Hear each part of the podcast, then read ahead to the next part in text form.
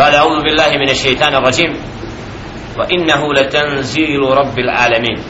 نزل به الروح الأمين على قلبك لتكون من المنذرين بلسان عربي مبين.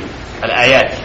129 treći, četvrti i 90, 195 ajet min surati šuara od zadnjih ajeta kako smo rekli u kojima žele šenu ističe zadnji ajeta u ovom poglavlju nakon što je žele šenu istakao događaje naroda koji su uništeni zbog nevjerovanja. Semudov narod Lutov narod vidjeli smo kako je okončao kada je žele šenu potpuno uništio naselje u kome se proširilo nešto što nije svojstveno normalnim ljudima.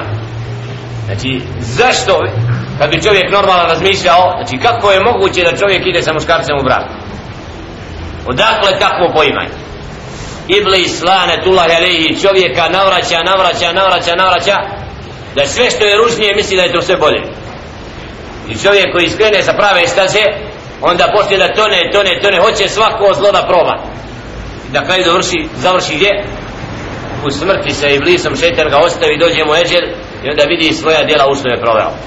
Tako i mnogi koji su zabludi skloni samo i na kraju nađemo negdje mrtve znači ne znaju oni na kraju kako su ali jedno okončaju ovaj svijet.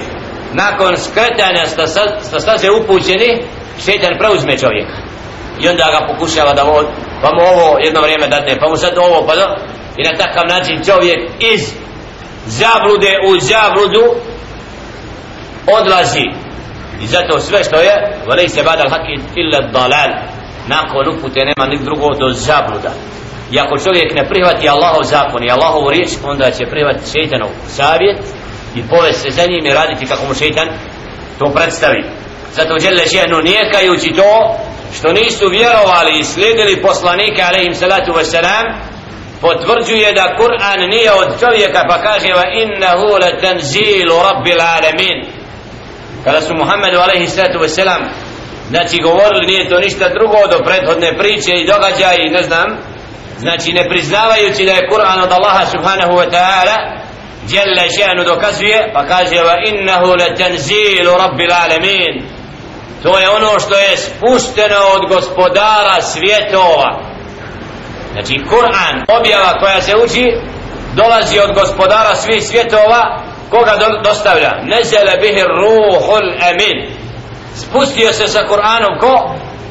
Ar-ruhul amin plemeniti melek koji nosi ime ar-ruhul amin ili Jibrail Jibril alaihi salatu wassalam on je taj koji je dostavio objavu Muhammedu sallallahu alaihi wa sallam kako kaže Jelle še'nu ala qalbika litakuna min al-munzirin na tvoje srce Muhammedun sallallahu alaihi ve sellem kada je čuo prve riječi objave iqra bismi rabbika alladhi khalaq خلق الإنسان من ألق اقرأ وربك الأكرم. الذي علم بالقلم. علم الإنسان ما لم يعلم. فسبراتي وكوشي تي آية برزو بوناب لأو لا نبي سلوشي أنا وصل دا نيزا فانت بويتي سيدا نبي كوية ريش وصل إذا استطاب لنا ونصل شوه عندما يجل شيء نبي آية لا تحرك به لسانك لتعجل به إن علينا جمعه وقرآنه فإذا قرأناه فاتبع قرآنه thumma inna alejna bejana nemoj Kur'an da brzo jezikom izgovaraš. Li tađala bih inna alejna na nama je da ti Kur'an sakupimo znači nije to na tebi da ti brineš kako ćeš zapamtiti la zato ovaj ajet potvrđuje da je kurban da je Kur'an na srce Muhammeda sallallahu alejhi ve spušten. I zato Muhammed alejhi sallam nakon ovih ajeta nemoj brzo učiti Kur'an kada bi mu dolazili ajeti kao da bi bili uklesani u njegovo srce ali sallam to je počast znači da Allah dželle šenu podučio Muhammed alejhi selam direktno preko meleka Džebraila isto kad nešto čovjek bude nadahnut pa na jednom samo govori. Tako je Muhammedu alejhi selam Kur'anom nadahnut. Jelle šenu ga spustio na njegovo srce pa je prenosio ono što mu je Allah subhanahu wa ta'ala dostavio bilisanin arabijim mubin na čistom arabskom jeziku Jelle šenu posljednu knjigu odebrao da bude upravo govorom Muhammeda sallallahu alaihi ve sellem a to je čisti govor čisti arapski jezik